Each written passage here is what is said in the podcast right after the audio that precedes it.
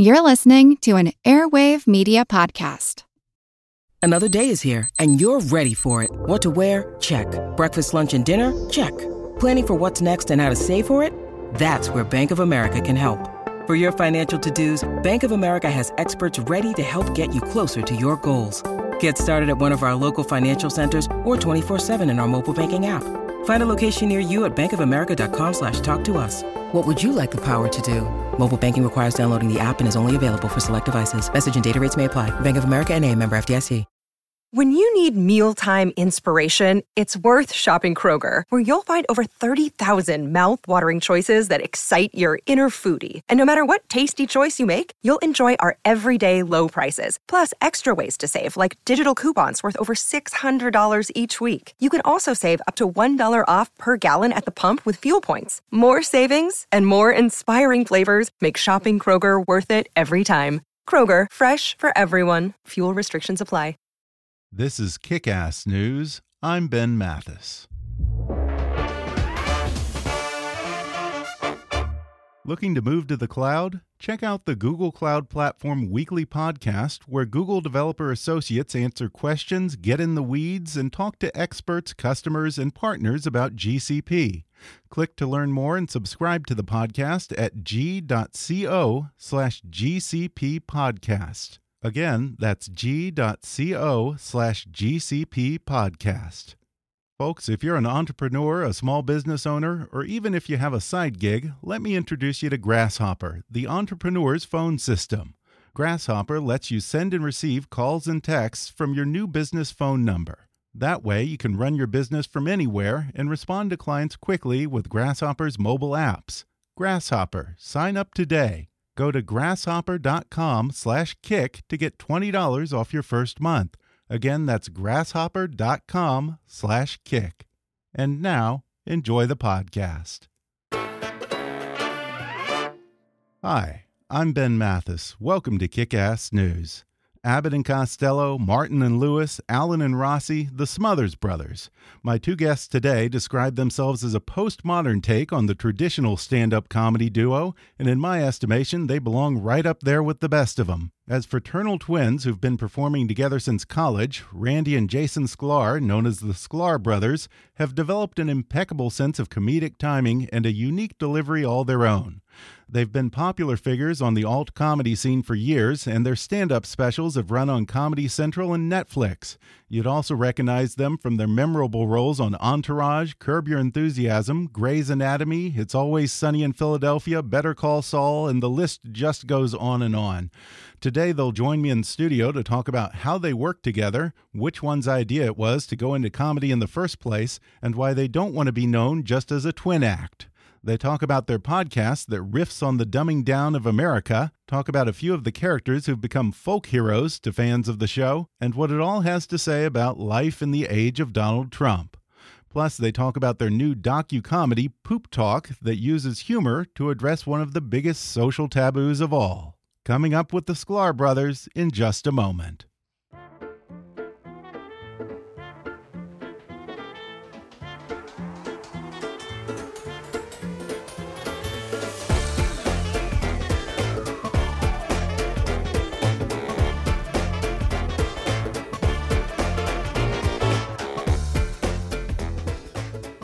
Guests today are two of the funniest people I've ever seen. The Sklar brothers have recorded several stand up specials for Comedy Central and Netflix.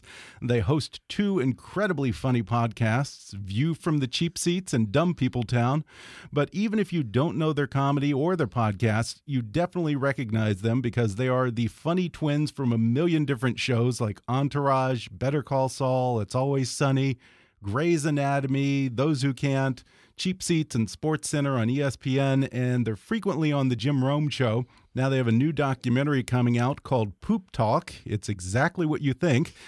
And I'm such a big fan of these guys, and I'm so happy to finally have them on the podcast. Jason and Randy Sklar, thanks for coming in. Thank you for It's having so us. good to be here. What a nice, great intro. Thank you so much. And it's just, we're happy to be here and happy to talk about all of it with you. You know, I, I think I cornered Jason after a show a while back, and I I'm kind of an, a big fan of you guys, and I was Thank like, you. nobody does what you guys do. You were- you were probably like yeah, we're twins. So yeah, No, nobody No, does what I we was do. touched. That's I kind of an obvious no, statement, I, guess. But appreciated it, and I was touched because I remember. We think about that stuff. We're like, how do we make what we do different? How do we mm-hmm. make it? As comedians, you're always looking for like, what's the most unique point of entry? How do we do what we do so that no one else can do it? Yeah. And so we're constantly thinking about that. And, you know, we want it to be organic. That was like people all along were like, one of you guys should be like the evil one and one of you the other. The we, and we kept saying to ourselves, that's not organic to who we Mhm. are. I mean, we're human beings. And if we're going to tell realistic stories about how we deal with life, we can't then make one of us be an archetypal person and the other not because that just doesn't allow for life to happen. Yeah, it, it's really hard to describe your act and do you justice because if I mention that you're twins, people might think that all you do is jokes about twin stuff or want to know which one is the straight man. And, the and then funny I looked on your website at supersklars.com and I saw you describe yourselves as a postmodern take on the traditional stand up comedy duo. Mm-hmm. Yeah. I, I love that. Thank you. I We don't, well, first of all, we don't go as the Sklar twins. We're Yeah. the Sklar brothers. And that was a conscious choice. And, and I think our our approach was, look, the Smothers Brothers, they did that as well as anyone could ever do it. And we always say, you know, the Smothers Brothers' classic joke was "Mom loved me best." They were in a constant fight with each other. Our joke was that our mom loved the Smothers Brothers more than us. Um, no, but I do think there is a thing where you say those guys did it; they took it to the mountaintop, Mhm. and why would we try to recreate or do a version of that? Like we what we want to do is the kind of comedy that we would watch. I, I always fa- I'm fascinated sometimes when I hear about what bands certain musicians listen to. Yeah. And you know, if they're the bands that they listen to are very different than the music that they make or their favorite Mhm. bands, if they, then something happened along the way where they said to themselves, "This is the only type of music I can make," or they're like, "This is the type of music I can make that can make me money." We were of the mindset always that we don't want to make, make money, money. and thankfully we haven't. yeah. No, but we're we were of the- really keeping truthful to that. yeah, we're honoring that original pact we made with the world. No, our goal we wanted to create the com- kind of comedy, and this is what we say about everything we make. Is this something that we would watch If it weren't we- us? If we weren't us, Yeah. Would we Yeah. be fans of this? Because we are fans of comedy. We started as fans of comedy when we were teenagers. Really? So we were enormous. We were comedy nerds before it became cool to be a comedy nerd. Um, that was back in the 80s in St. Louis when there wasn't, you didn't have YouTube. You didn't have access to a lot of Mhm. comedy. There wasn't a Largo, you know, which Yeah. is like that we could go down and Yeah. see like all these great yeah. people performing. There wasn't an improv in every city in There wasn't a comedy channel on Sirius Radio. There was nothing. Yeah. So we had to hunt for it and find it. And HBO was showing some stuff, and we knew about young comedian specials, and we just would dig into stuff. We loved it, and we knew what we loved. And so I think in the back of our minds, we said, "What's the type of comedy can can we create something that we would Mhm. like if we weren't us?" And we've tried to do that in everything. I think we've succeeded in in most of the things. And maybe we have very specific tastes, and that's why we're not like household names across the board. But we're proud of what we made, and I you know, even in this movie, even in this new poop talk docu comedy that's coming out on the 16th, I still watched it. We screened it the last week, and I'm like, I would watch this. Now, did you guys grow up in a funny family? Like, where did your interest in comedy come from? Our dad was a really kind of personable guy, funny guy. Mhm. He worked at a paper company, kind of like The Office. He worked at a Oh, yeah, place called Mifflin? yeah, it's called it was called Tension Envelope. Can you imagine that? Like no one's last name was Tension. He worked at a Yeah. place where tension was in the title. Yeah, that sounds like a guy who's going to go Willy Loman any minute. Yeah, just selling lose his paper. mind. He was, envelope. he was selling paper. But he was a really good salesman. He kind of wasn't this guy who was an ac- he was not an academic. Our mom was an academic and is still, but was growing up an academic. Like our Dad- mom was like a national merit semifinalist, got a full scholarship Really? to Ohio, State. University, like Which- smart, per, like worked on computer curriculum in the '80s for hmm. our school district, and like she and her friends Really? developed a very crude version of like email and stuff. Like in like 84. yeah, like in terms of you know for like ninth graders telling eighth No, gra- seventh graders telling seventh graders sixth telling graders. sixth graders what to expect when they they So sixth sent- graders would Oh, email anonymously seventh graders questions, and then the seventh graders would send back their responses. And it was so funny as they were That's a developing great it. idea. Isn't that great? And as they were developing it, the response from the school district before they did the experiment on it was, who's going to want to send letters like in the mail? Like electronic mail is The it'll dumbest be dead thing on ever. arrival. Yeah. And and but what happened was people were able to anonymously ask questions and then answer them and have their mm-hmm. questions answered and so they were much more forthcoming. It was just a fascinating thing. So that's where she came from. Dad was much more of a people person and he would we would go with him on the weekends like he'd take us down to work with him and then we'd run errands with him and and truthfully he would start talking to someone like go pick up his dry cleaning and we'd be sitting in the back of the car with it running you know the way in the Yeah. 1980s and 70s you leave just your kids in a left running your kids car. in a Yeah. running car like here go any pedophiles around want to steal these guys they're right here uh, and he would just start talking to someone and within 30 seconds they'd be laughing or smiling and Really? you say to yourself He's just a okay funny guy. he's a there is value in making people laugh Yeah. and so we saw that very early on the other thing our dad did that was fascinating was he bought our family's business like his uncle's business selling alteration supplies and velcro and Yeah, he left the envelope company and then went to work for his uncle Okay. uh, in a family business that had been around since 1919. yeah For years, they sold nuns' habits, and then they As Jews. as Jews. was it was that like the ultimate revenge for the Inquisition? yeah exactly We're gonna, like Coming put back a at you. fifty percent markup That's on right. these things. We're That going was to the take these uncle. sisters down.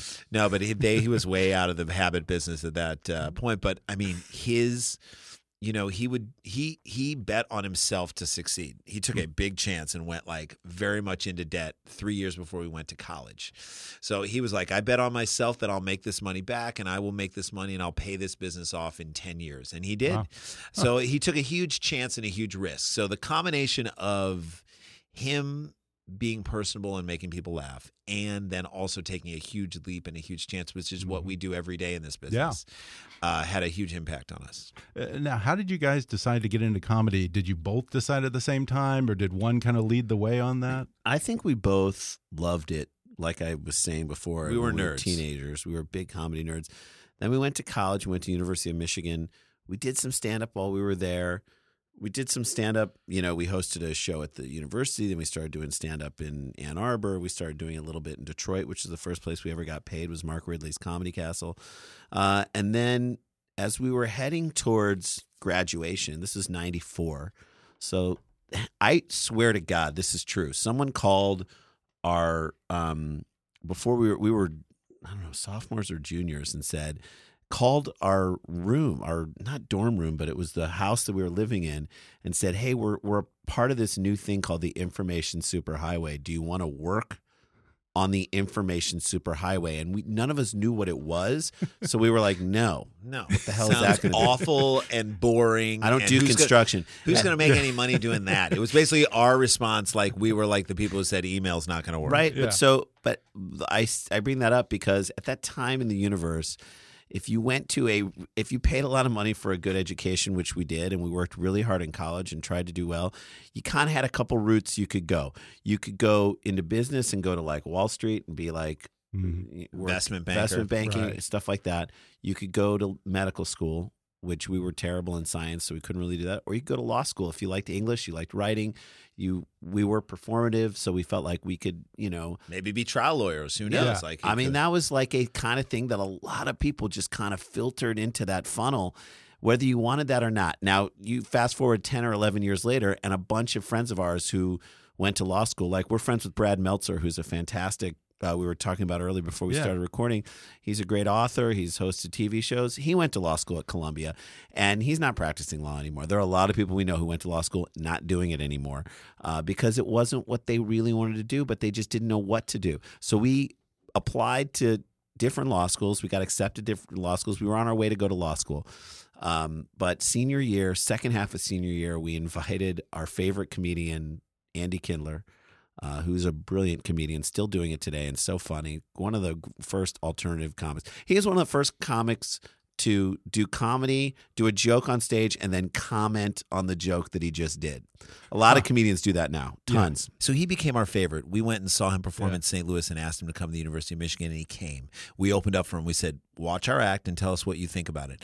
And we talked to him afterwards. He said, "I think you guys are really funny." I don't think that's all reflected in your material. You probably are going to have to lose a lot of your material that If you not all of it. if not all of it. go to a coast, get to like New York or LA. I'm in LA, but you guys can go to New York and work on it. Get into a comedy scene that will push you guys to make use of why you're funny just hanging out right now. And in a couple of years, you guys could be on TV. That's like all we needed to hear.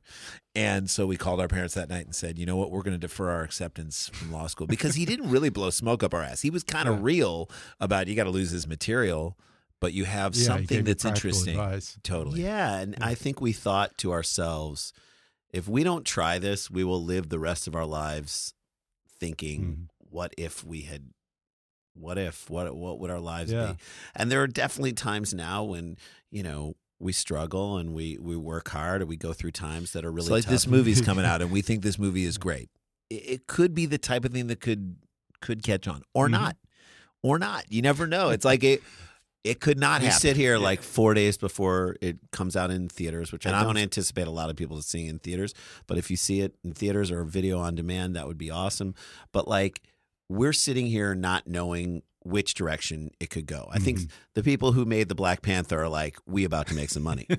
now we're of the mindset where we probably should have called our movie the Brown Panther. That's right. That would have been a better or the shape of toilet water. Or I would have gone with Lady Turd, um, just to capitalize on the success of these other movies. No, but we we're sitting here saying we don't know. Mhm. We we Yeah. have no clue It's if a risky business. Even even when you've made it, it's a risky business. Of course, and so Yeah. you know, it, there are times where I'm like, maybe it would have been better on our constitutions and our anxieties would have been lessened if we were just funny lawyers. But I, but I do, I am very glad because I think we didn't do this. We didn't get into this business to be famous. That was not our goal. Our goal was to work and support ourselves with our art, however that is. We had no aspirations. I don't want to be a gazillionaire. I don't even want to be a millionaire. I just want to be comfortable know that I can pay for my kids to go to college and know that I can live out the rest of my days without wondering if I can make my rent. That's it. Mhm. That's it. That's all we care about and and get to work. and Get go to, work. and get to do the thing and get to work. Get the get the privilege of getting to make things. And, and You do feel a little like sometimes like you're I don't know, I watched Bonnie and Clyde a while back and you're like when they're on the run, they only have like a certain number of banks that they can rob before Yeah. the police are going to get them. so you do feel like on some Yeah. level you're like as we get older. a as we get older, I'm like, we're, are we robbing banks here? What's happening? Like, we're going to get caught, and then the whole thing's going to be done. yeah, or there's a moment where you're where you're out there. You know, we don't do the road very much, but we do it. We, we for a new project we did for another thing we did um, for Audible.com, which is coming out in the next month or so. Next month, yeah. Uh, it's called Sklars and Stripes. That's the name of it. It's a 10 chapter audiobook uh, about really doing stand up comedy on the road. Uh, whenever we go to a town to do like a weekend of shows at a comedy club, we always give ourselves the challenge of, hey, I wonder if we can write like five to 10 minutes of comedy about this town by experiencing the town, by talking to people about the town. What are they grappling with? What's the town's personality? What are the social issues of the Okay. town? So this is an extension of uh, what was it? Finding the Funny. Finding the funny. So we did a pilot for the yeah. Travel Channel called Which Finding the. Funny. Thank you. And this, it just was a little too edgy and political for the Travel Channel. This is a chance for Audible to go just balls do to the wall exactly just do what it. we want to do. So, So- each chapter is about 30 minutes, give Yeah. or take Okay. five, or maybe some less, but some more. And in each chapter, you hear the plane, or you hear us step into town and have our preconceived notions about how it's going to go. And you, you t- like, we had like two documentaries in mind when we were making it. One, what is the comedic process? How does an observation in the field Mhm. turn into a funny thought, turn into Yeah. a joke, fill in, turn into a full on Yeah. bit that we can do together? Yeah, that's really interesting to me. fascinating. The comedic process is so cool. Then the other side of it was what's it like to live in these 10 cities? The 10 cities we did were uh, San Diego. So, so what? Ha- so we did San Diego, Madison, Portland, Kansas City, San Francisco, Tulsa, Denver, Bloomington, Houston, St. Louis, our old Okay. hometown. So those okay, 10 and my hometown, Houston. Houston, not Houston. St. Louis. Never yeah, been to no, but Louis. Houston was awesome. Yeah. We were there for a comedy festival. and to be there after the hurricane was pretty Oh, yeah. unbelievable. To and there. after the Astros won was kind of an Yeah. exciting time. So the crazy thing is, we started this. The first weekend that we did was in San Diego, the weekend after the 2016 election. Now, Oh, and So- what followed was the next. gotta be interesting. Well, the next 13 months, we went to 10 cities and did this, and it was the 13 Oh, most interesting. tumultuous months Yeah. in our nation's history that we can remember. Now, so a new storyline emerged within the documentary, which is the politics of our country. Now we didn't only Yeah. go to blue interesting. blue cities. We went to some Yeah. blue cities and red states. We went to some red cities and red states. And we are we feel very strongly. We have strong political views. We're definitely liberals. You know, I think it'd be hard to be a comedian and not be a liberal. I know some of them, but I do think that like there is this. If you're an artist and you're fighting for the arts, it's kind of hard to be on the other side. But Yeah. we don't hate people who come from the other side. We were just outraged at the guy who was in charge. Right. And I think we know a lot of people who are Yeah, Republicans like, who are angry at what's going like on right truthfully, now. I too. think if it's like interesting because for me it's very hard to understand. Sure, I- it's hard for me to fathom how like an American from this place sees it one way and an American from another place sees it entirely different. Well, Like- it's like because a mirror we've- opposite. Well, because, because we've of- eliminated like universal news that we can all trust, Right. Because they've attacked the concept of reality. which which is terrible but the idea that like in this year when everyone has retreated to their bubbles Mm-hmm. right and left people retreat to their bubbles we left the bubble to go because comedians, you got to Yeah. if you get a job, you got to go. Take yeah, it. you guys want to go to Houston? Yeah. we're going to Houston. Well, how did Houston vote? I don't know they voted the way we, we voted, or not everybody. Or hey, you're going to go to Tulsa. Tul- how did Tulsa Yeah. vote? You're going to go to Kansas City. Kansas City. You're going to go to Indiana. Mike Pence's home state. He was there when we were there, and it was like he was at the airport when we were there. I mean, and caused our plane to Mm-hmm. be late. The jerk. And you know, like you talk about Madison, Wisconsin. Well, Wisconsin went red. So you know, there were Right. some things about Wisconsin. How does Madison fit into this sort of outer rim of redness and as a blue, sort of creamy communist center in a larger, more crusty outside? So we figured all this stuff out, and to and and just the timing of it was fascinating. It's called Sklars and Stripes, and then Yeah. we're going to pull about seven minutes of stand up from each. Six minutes, seven minutes stand from each city and make a comedy album. So we're in the midst of like editing that right now. Yeah, and you know, I've noticed over the years that your comedy more and more seems to be drawing from your experiences as parents and explaining the world and life to your children, which makes me wonder how do you sit your kids down and explain Trump and everything that's going on in the world right now? I'm like, what do you say to them? I definitely am unfiltered about it. Like my Yeah. son is like, is Trump a bad guy? And I'm like, I'm like, yep. yeah. I'm like, yeah. I, I don't even color code it. I'm not even like maybe to some of his people he is. Yeah. I'm but like, there's too much of that in already. Like, he's like an angry everyone's baby. making yeah, like we can't we can't normalize. I, I'm not going to normalize it. I'm like, Yeah. this is not. I, now, if they said to me, "Is George Bush a bad guy?" I would say, "Well, when he was in office, I think he listened to Cheney too much, and he wasn't the brightest guy."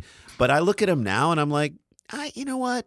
He's just a faith-based guy who I disagreed with some things. I don't love that he got us into the Iraq War. I'm not in love with some of the things he did. But I think that he cared about the political process, mm-hmm. and, And I, think, he cared, about the cared about the country. he cared about the country. You Yeah, he can't really fault his love yeah. of the country.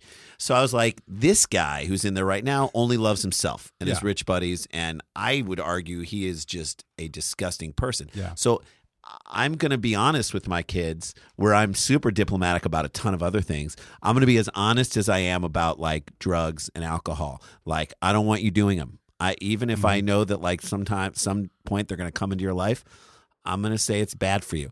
Or I'm going to say this is bad. We don't lie. We don't cheat. Yeah. We don't you know, we don't call each other names. We certainly don't disparage other races. We don't disparage, you know, to us. I have a son. I'm like, if a woman says no to you, a girl says no to you, whatever you're doing, if you're hitting her, if you're doing any, you know, if you're running around, it's a silly game and she's throwing stuff at you, someone says no, you stop. Yeah. Like those are, there are some basic things you tell your kids. Basic things that like the people at the top of our country can't get Right. at this point right now. The Rob Porter Right. scenario is like a classic example Yeah. of like you don't get it. Like I watched Kellyanne Conway on TV and she's like, "Well, a stronger person would have handled that." It's like, "What are you are you joking me?" Like again, the, the, it, it upsets me because I'm like, I now have to sort through all this and explain to my kids Mm-hmm. that is wrong. Yes, she's a woman and what she's saying is flat out wrong. We're going to take a quick break, and then I'll be back with more with the Sklar brothers when we come back in just a minute.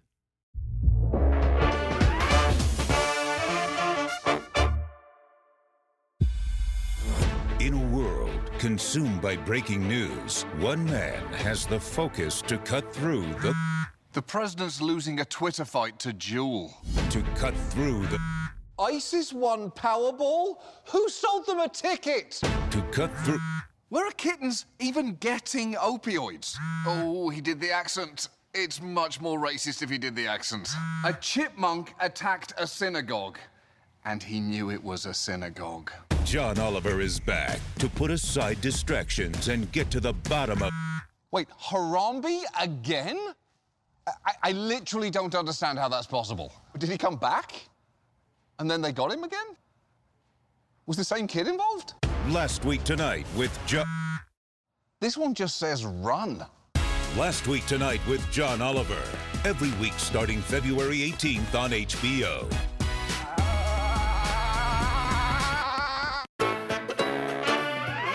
And all of this kind of leads into your podcast, Dumb People Town, which I want to talk about just for a few minutes Sure. before we wrap up. Sure. Um, it sort of posits that the world is getting stupider by the day. And I guess I would say that you guys are sort of the Studs Terkel of the Trump era, chronicling the dumbing down of America. Yeah. Uh, give us a couple of examples of the kind of stories that you talk about on DPT. I mean, Dumb people town. Well, we say the world is getting dumber, or, or, is getting louder. or dumb is fighting smart, and dumb is stronger. It has dumb strength, and it's just winning. Like if there's a naked guy with a machete taking a poop in a pool that isn't his in Tallahassee, Florida, we'll be there to make fun of it. If there's a woman who's like, yeah, I can pull my kids at 30 miles an hour with my Subaru in the back, and they're in a wagon. A wagon attached to the thing around wagon. this roundabout. Okay, that's it. You know, if a guy takes drugs and goes up and just hangs out and climbs up a tree, and it takes the entire fire department and that to get that those stories to us Those are your people. yeah those those fascinate us because then we want to try and understand How did this person get there? Who let them there? Who's the dumbest? what dumbest were the person in 10 this story? hours yeah who's the dumbest person in the story what Yeah, were the and 10 it may hours be that led to surprising who it ends up being. Maybe the cops in the end of the In story. many ways, in Yeah. many times it's cops, many times Yeah. it's just the people Themselves. I mean, the best story about, and I guess because we've traded in this world, is Jay's friend has a friend who's a cop. Oh, Oh, yeah. I was at a b- party or just a brunch at a friend's house, and he's, guys like my friend's a cop. His kid's coming. He's coming over, and he's got some amazing stories. He would probably love your podcast. I was like, we should I- get him on. Uh, we should. I'm like, I want to talk to this dude, and so he came over, and I was like, "What is it like when man?" you're out there in the, are you sensing that it's different? Are you sensing what we're kind of feeling Yeah. right now? He's like, I'm going to tell you something that is going to blow your mind. I was like, dude, bring it. I mean, you don't expect to get that information At at a a, brunch. brunch. you Yeah. know what I mean? tell me. He's like, I could solve all of the problems in the world. You're like, how? How? how? He's like, "E- we don't need guns. We don't need tasers. We're like, I'm listening. I'm listening. we don't need batons. We don't need anything. The way you talk a crazy person down and a violent person down from their rage, Doritos. I was like, man, what are you talking about? I'm like, like any kind of Dorito, like Cool Ranch. He's like, no, no, no, it has to be the original Doritos, the original red nacho Doritos. He's like, I'm gonna start carrying 50 bags in my trunk. I'm like, what are you talking about? You have to be basing this on empirical fact. If Yeah. you're coming so strong, If strong, you have thing- that Yeah. strong of a theory, he said, I cannot tell you the amount of times. He's like, I want to take people with me to show them. Crazy guy, group of people around him, Yeah. dangerous. Like, we don't know a drunk. We don't know what's going to happen. I walk over with a small bag of Doritos and say, Hey, man, calm down, put down the knife.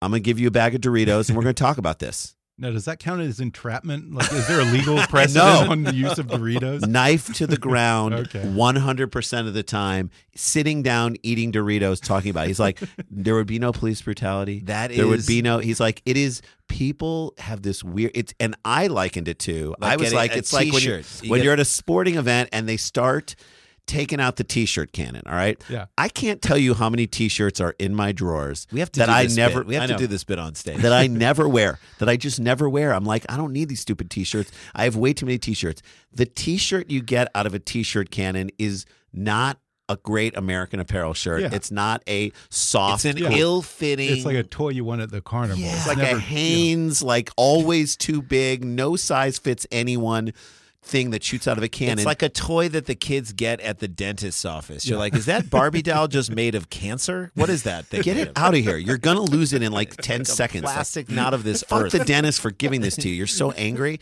You're right because now I got to throw it away. I got to find this stupid toy. I find the head that just rolled off? As soon as the T-shirt cannon comes out, me included, Yeah.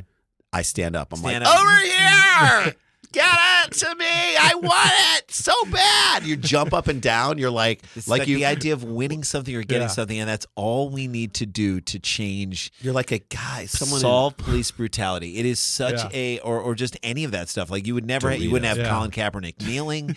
Like the, the- all- everyone would stand for the national anthem. It would be. Can you imagine just solving that with Doritos? Yeah. But we feel like it is our duty as comedians to try and Fight fight the dumb. with fight the comedy. dumb with comedy, and so we get people like Pete Holmes and Jamie Lee and uh, Jon comics. Hamm and Keegan Dan, Michael Dan Key. Harmon, Keegan Yeah. Michael Key, and just really. Tony Hale, all the Jason Mantzoukas, Tiffany Haddish. Run through the list of all of the guests that Mm-hmm. we've had in the last like year. Probably done about close to sixty episodes Mm-hmm. Just amazing people riffing with us and the stories come up we don't know the stories the guest doesn't know the stories our co-host dan van kirk who's amazing he's the only guy who kind of has it broken down and he's brilliant about it and we've really built this kind of amazing community out of nowhere like got about 20000 people on a facebook page dumb people town slash fa- yeah, our a lot of page active fans out there. you know, Yeah. and and what's crazy is some of the people we've spoken about in the stories have, Joined the Facebook have now commented. They've joined the Facebook page and now commented on the Facebook page. Yeah, yeah. Tell the listeners who Jan Flato is. Jan Flato, Flato, is a guy in. Or is it Jan or is it Jan? It's it's a guy. It's I- I Jan, always- but it we have a cousin calls Flato. himself Jan. Okay. John Flato makes him sound like he like wrote all of John Tesh's music. Jan Jan Flato. Flato. Okay. Like we could do Who Jan is Fla- a bunch guy? of Jan Flatos. So Jan Flato or Jan Flato uh, is a guy who uh, in Florida who, of course, uh, who had a Russian girlfriend. It's not clear whether he paid for her or not uh, to be his girlfriend. They went to a casino. He gave her the money. She put it in the uh, slot machine, hundred dollars on this slot machine. She pressed the button.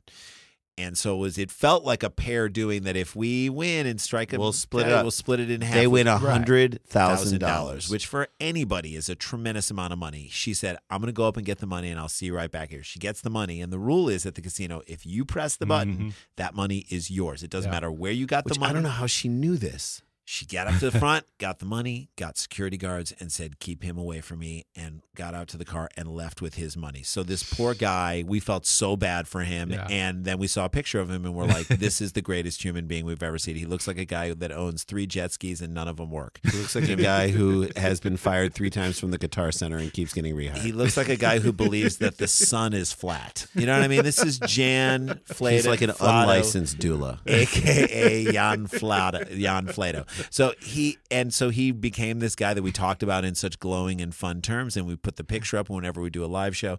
He has now joined the Facebook page, and he'll just comment on other stories and things that are going on, and we're like, oh my god, this universe is now wrapped in and itself. folded in on itself in the most poetic way ever.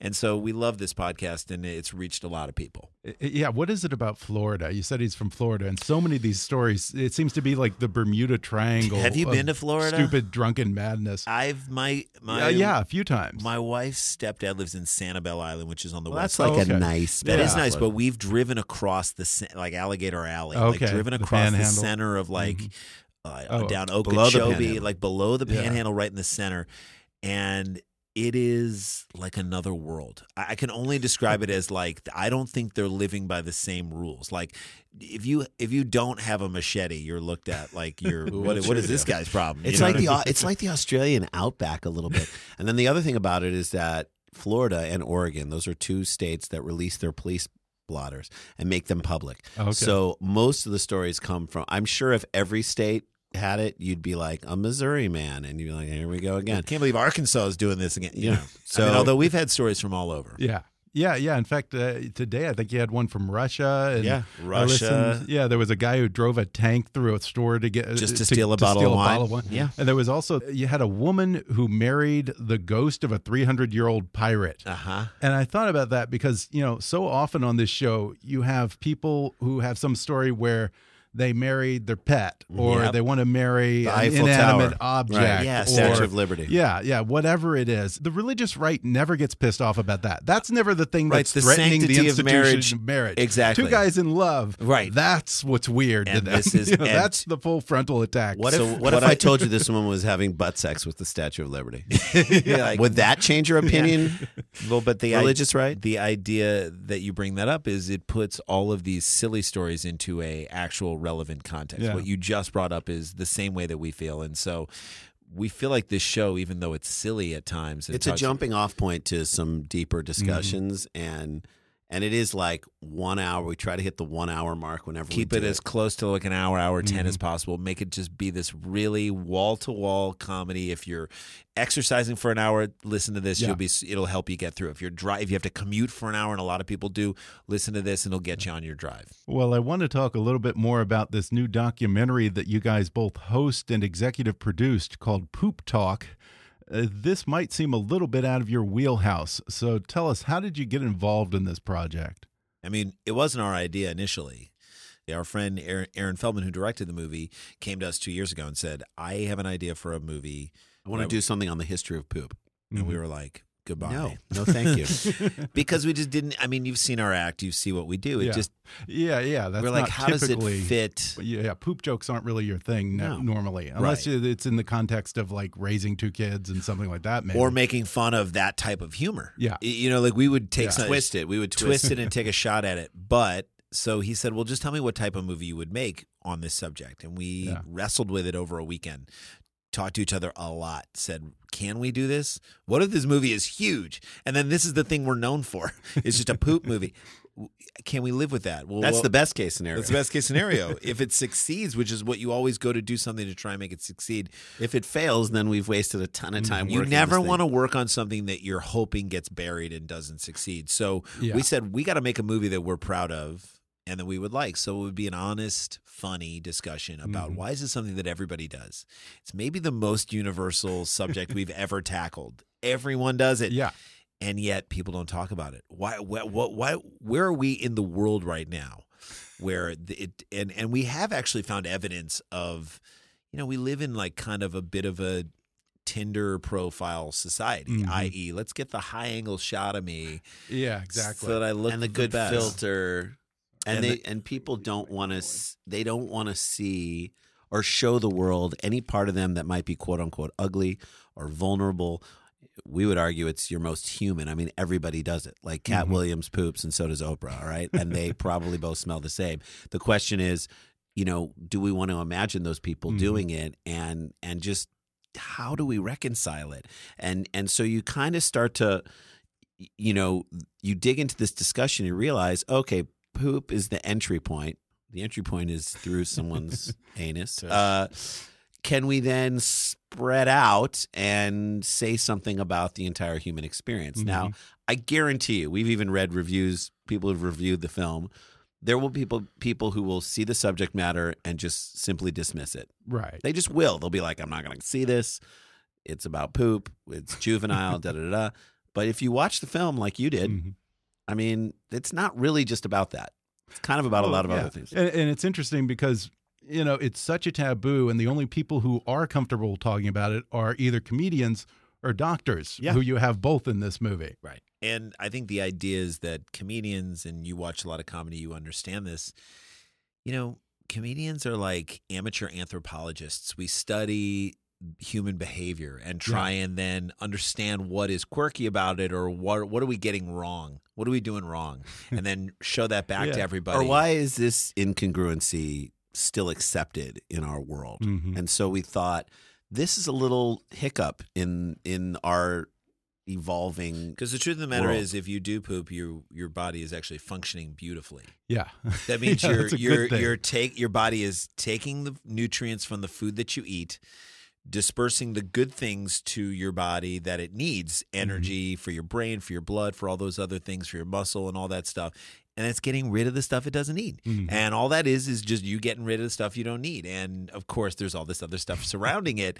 And And there's shame, and there's Yeah. obviously the smell and the sounds, and we talk about it. But the film. comedians are so great about shame because they don't mind. Pete Holmes talks about it in the movie. He says, you know, as alpha males, comedians, we're so evolved Or as- females. or females, we're so evolved as human beings that the alpha male can stand on stage and reveal his or her like basically worst, most vulnerable Weakness. Yeah, weaknesses yeah. and stand in a very you're like strong weak. yeah, You're weak strong. We call it like Weak. He called it like weak strong. We were talking to him today earlier, and he was like weak strong. That is what it is. It's like your weaknesses make you strong Yeah. in that instance because you're not afraid to show that.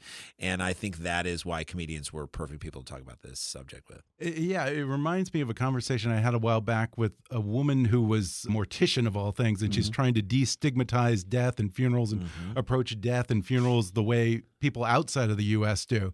It, it's a lot like that because you know, just like getting grandma's corpse out of the house, you know, you want to get it poop flushed out of sight and out, out. of your home as quickly and discreetly as possible. But you're doing, like you said, a real disservice to yourself because I had a doctor friend who once told me before you flush, you should always look in the toilet because it's you, one of the best ways your body can tell you whether You're you're, doing okay. dehydrated, Yes. I thought you were gonna eating say right, get if your you have early signs of disease. I mean, there's a lot of information. in I thought you were going to say get your poop out of the house the same as your grandma's corpse. Make sure you bury it with a very tasteful ceremony in the Uh, backyard. in the backyard. No, uh, no, but it, that's a great point. And speaking about death, you know, there are things surrounding death that we as comedians talk about all the time. We we on stage say like everybody's going to die. Everyone in Yeah. this In our room- new special, there's a mm-hmm. point in the would say everyone in this room is going to die you know, Tonight. tonight. You will Just all die no, but I mean, we we broach that subject. Comedians aren't afraid to broach that subject, Yeah. and I think you know once you start thinking about okay. Quality of life versus death. I mean, yes, every, people can be kept alive for 170 years if you're on a machine. If you're on a machine, you could Yeah. a machine can help you breathe, and you could be sitting there and be kept alive for years and years. But is that really living? It's Yeah. good because it, you know, I'm sure your mortician friend definitely can answer your mortician friend or the person you spoke to who uh, could answer Your little mortician friend. I'd love to get her in here. yeah Hear what she's got to say about this one. Never bring her formaldehyde. Uh, no, but why do we both turn into Dennis Miller? Uh, so know that you that that that person has a lot sort of the stigma and, and the worry Yeah. of death they see that as just like another passage Mm-hmm. of this is like the you know it, as part of the beautiful cycle of life as opposed to be something to fear and whatnot hmm Yeah, I, I have a friend of mine who's kind of this crazy alt writer who Mm-hmm. says a lot of dumb shit 95% of the time. Mm-hmm. Every now and then, though, he'll come at me with some kind of pearl out of nowhere. Yeah. And one day, not that long ago, he said, You know, the digestive system is very humbling. And I was like, He's right. he is right I mean, even Hitler Yeah. apparently had like horrible irritable bowel syndrome. They called him say. Schitler. They called him Schitler because- behind his back. He didn't like it, and then he became a dictator. That's right. Yeah, but when you Found picture out. the scariest man in the world, know, the most horrible sociopath in history, you know, just running out of a meeting holding his pants because he's about to shit himself. Oh, he It did. really cuts him oh, down the size, the furor yeah. over it was Yeah. terrible. The sound and the fury. Uh, the sound of the furor. It's just a farting. Look, he, that's why he built he built the bunker. He wanted to go underground. yeah, it's like shit. that's how much he didn't want people to smell his shit. Is he built a bunker underground? And he said, "Keep Ava He- Braun out of here." He probably took a absolutely wrecked the bunker bathroom and then was like, "I got to commit suicide I gotta kill nobody, myself." I can't be around when Eva Braun steps in." No amount of paint thinner. That I don't want there is gonna Leni Riefenstahl to take a picture of this. Jesus. so fun to make fun of Hitler. It's so fun to belittle Hitler with comedy. It makes me laugh. I'm calling him Schitler from now on. Hitler from now on. Schitler.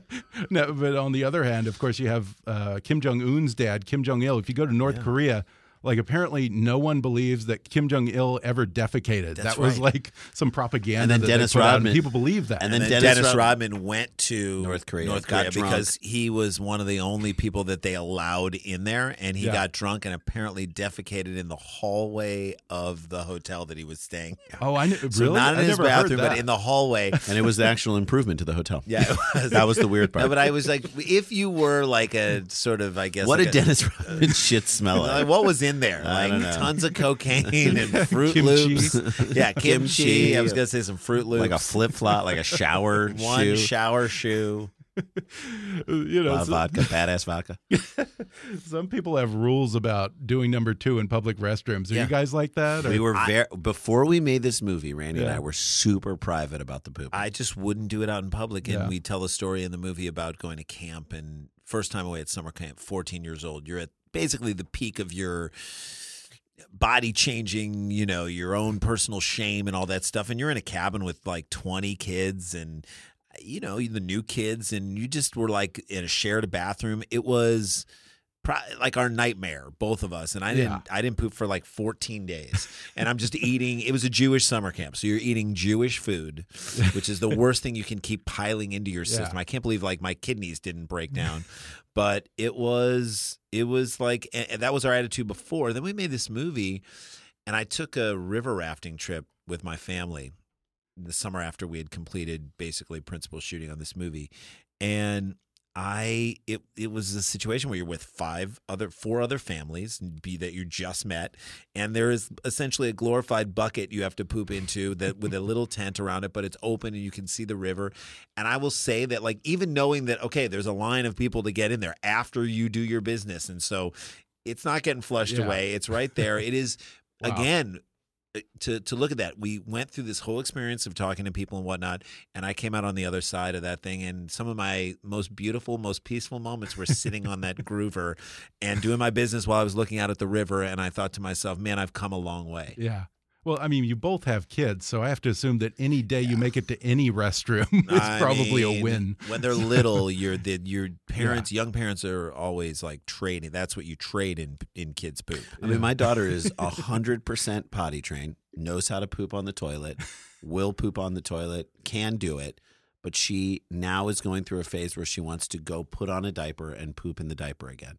And we've talked Really? to our doctor, and she's like, "Don't you know, push it, don't shame, don't don't create issues around it." So we're just kind of supporting it and riding Yeah. this little wave out. I'm sure she won't do that into her teens, but like it is an interesting thing because I thought, okay, she's potty trained now. We don't have to necessarily do that, but here I am, still do back in that game again. And as a parent, you just you learn to deal with it. It it kind of you're like, oh, okay, I now know how to breathe out of my mouth and not take in any Yeah. smell. I now know how to do this. I'm seeing it up close. It's you start to like it becomes It- less it, crazy. gets demystified. yeah. Maybe she's onto something. I mean, I'm just waiting for the day when like dot comers in Silicon Valley decide that diapers are somehow a productivity hack. Yes, a product. Yeah, you don't want 20 minutes of you in the uh, in the bathroom, or they'll just start putting computers. Yeah. you know, like full on computers in the bathroom. yeah, the diaper You is a- literally swing the laptop over as you're sitting down. there there is still cleanup involved in the diaper. So so there it, like, you can't get away from it like Yeah. I if there was a tube from underneath your like that like bouncy ball that people sit on for their backs. Oh, yeah. uh, if there was a tube that came out of that ball Fills the ball. and went Almost down, like- like, a suction, like like, at the bank, where they the when you send like a deposit. oh yeah, a pneumatic system. Yeah, and you could just press a button for suction right when you knew when it was coming out. It was just like, "Phoom," and then it was like also doubled as a bidet that just shot water right up there. That's hack That my would life. that would be like the new silicon. Like, have you tried this? That would that would be a reason. There's a Yeah. poop ball. Have you done the poop ball? Yeah, a- there's a reason to work at that company. Uh, uh, that makes me think of probably what I would say is the most out of touch Hollywood first problems moment in this movie. you have a number of very big comedians waxing about their fancy Japanese toilets that Oh, I know. spray and blow and Well, play music not even and fancy. psychoanalyze you. By the way, I think it's eighty bucks. It costs so. What? It's it's just Yeah, because you Wait, just what? buy a cover. You buy just a oh, you just cover. buy the seat cover. yeah. So, So, it's cheap, my man. I thought okay. You, it's not that it's I fancy. thought it not was some crazy luxury like five thousand dollar No, Japanese toilet. No, this is like Oh. a thing that's It's an on- aftermarket it's- thing you buy for your toilet. You put it on your toilet. Okay. It's like like aftermarket And- rims for your and car. what does it do? It like and sprays, Heats the seat. heats, the seat. Wow. It like has a thing of water that then can spray and undulate and clean you from underneath, and you kind of just wire it through your toilet, and it's like a wonderful thing, and it's not that expensive, and you know I think it is sort of like a newfangled bidet. I got to be honest. I'm a little bit traumatized by one once in Japan. I was in Tokyo and I'd never seen one before. Mm-hmm. Yeah. And there are all these buttons. I was so fascinated. I was in my hotel room Yeah. playing around with it, standing in front of it, and I'm pushing buttons. And then suddenly, like this little stick, it- almost like an early pregnancy test or whatever, slide, starts to move out from under the the rim. Mm-hmm. Uh-huh. And it's like the theme music from 2001 was Oh, playing the as I was things, watching and you it. sit on it. And I'm just standing there, and then all of a sudden it like nails me right in the crotch with a hot stream no, of water. that's not good. And I fall on the ground laughing. I know. Um, yeah. And it's I can understand why. Yeah, I mean, I think that we were talking to Dr. Drew, who's in the movie Oh, as yeah, well. We were yeah. talking to him, and he said, you know, one of the stigmas about a bidet. We said, when do you ever think a bidet might make its way to the United States? Because it's kind of rare, weird that it wouldn't be here. And he said, just there is the stigma that like people in Europe don't shower, and that their the bidet Right. is like their only shower, and so for some reason it's seen as a less than I, version. I think it's Yeah. the toilet lobby, strong lobby. Yeah, it's like it's just like how they killed the electric car. Remember who killed the electric car? Who killed the bidet? Uh, that's the one of the questions that's raised in this film. do you think we'll ever adopt the just the hole in the ground like ninety percent of the rest of the world. Poop hole. I mean, poop, Poop hole hole. is pretty. You know what's crazy to me is that poop hole could work as an alt, as just like a second thing. Like, I, I guarantee you that it won't happen. But you know, in public places, poop hole would be great. Put the poop in the ground. Get it. That's so much better than a porta potty. Yeah. Poop oh, hole Oh yeah. And you do kind of wonder about those things. You, you you look at it and you're like, yeah, that's right. You're eliminating all revenue streams from the toilet situation when you put a hole in the Ah, ground. Big toilet. Big yeah. toilet. Big toilet is changing our lives and and dictating how we poop. Well, as people see a revenue stream anywhere, those industries will then start to take over and say, "No, no, no, you need air freshener. No, no, no, you need this." And then you Yeah. need three ply Yeah. toilet paper. We need these things and suddenly, like you know, they have thousands of employees that are counting on it. and You tons of need a water. Poop hole shovel. And, Poop hole Shovel, shovel. shovel. Oh, someone, Excavator. someone at a screening said in England they have poop knives, knives that are like in the back of your Which toilet. I don't know where you That hang sounds this knife. terrifying. Well, and they you they cut magnet- up what you've done so that it goes down, a little easier. easier. After you put it into the bowl, poop knife. Like This we're is like in England. Yeah, This is like in we were supposed to England. know what that was. She's like, "What? What's your attitude on They want poop, poop knife, knives?" poop knife applicators, and we And were we're like, like, "What? Say what? What do you but mean look, poop we're knife? not we're not here to shame anybody on anything that they do, and I, you Yeah. know, again, this is the most we've ever talked about this subject ever. in our career, in our careers, and lives. it's not really what we are. But again, we keep Yeah. coming back to what is this honest thing? Let's take mm-hmm. this movie back to here's an uncomfortable subject.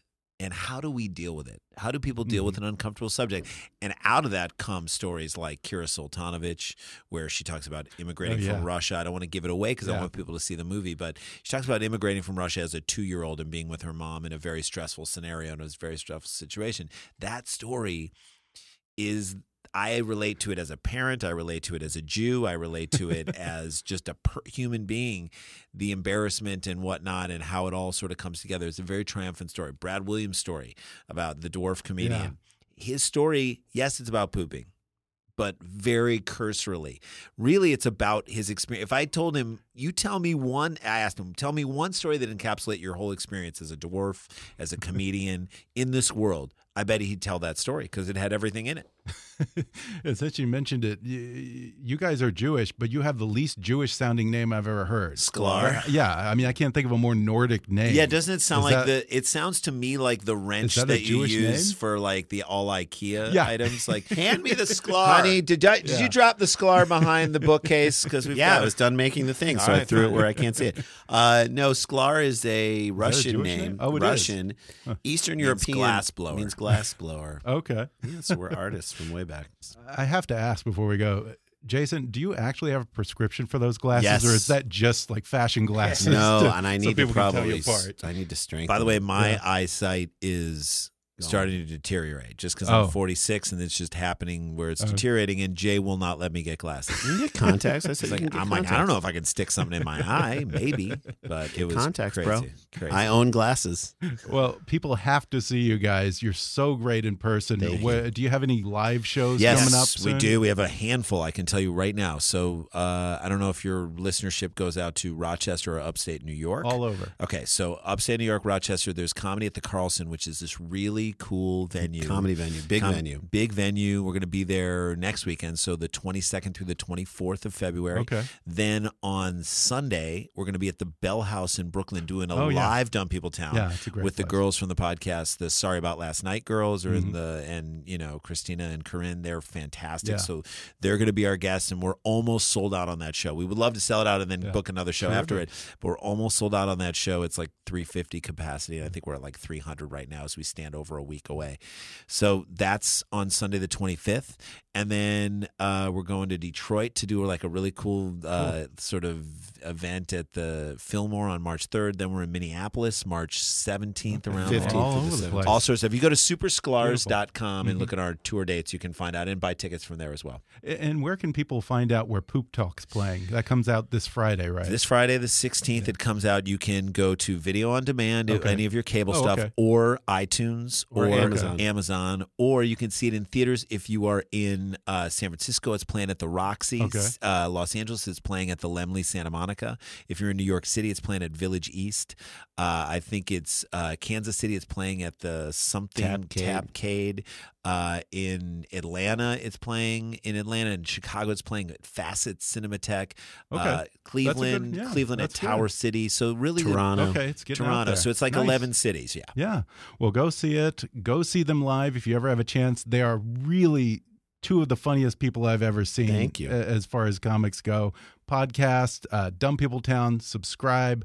Uh, the other one, you changed the name on it. Yeah, What's it's the called other View, name of the View pod- from the the cheap other- seats, and right. it's sports and kind it's like this is what Yeah. happened in the week of sports, and we try and take comedic Yeah. view. But like Ben Schwartz was just on it, Bob Costas we Mm-hmm. had on it a short time ago. So good people. Blake Griffin, Yeah. Bill Griffin. Burr. We've had some good ones on that. Yeah, one. Randy and Jason Sklar. Thanks for coming on the podcast. Thanks, for having us.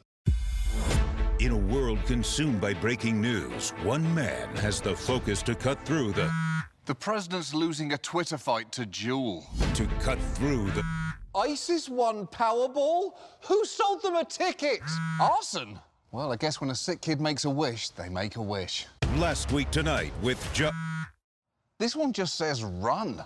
Last Week Tonight with John Oliver. Every week starting February 18th on HBO. Thanks again to Randy and Jason Sklar for coming on the show. Poop Talk opens in theaters, streaming, and on demand Friday, February 16th. Subscribe to the Sklar Brothers podcasts, Dumb People Town, and View from the Cheap Seats on iTunes or wherever you get your podcasts, and visit their website at supersklars.com for their live dates and more information, and follow them on Twitter at, at Sklar Brothers. If you haven't already, be sure to subscribe to Kickass News on iTunes and leave us a review. You can follow us on Facebook or on Twitter at, at KickassNewsPod. And as always, I welcome your comments, questions, and ideas at comments at kickassnews.com. I'm Ben Mathis, and thanks for listening to Kickass News.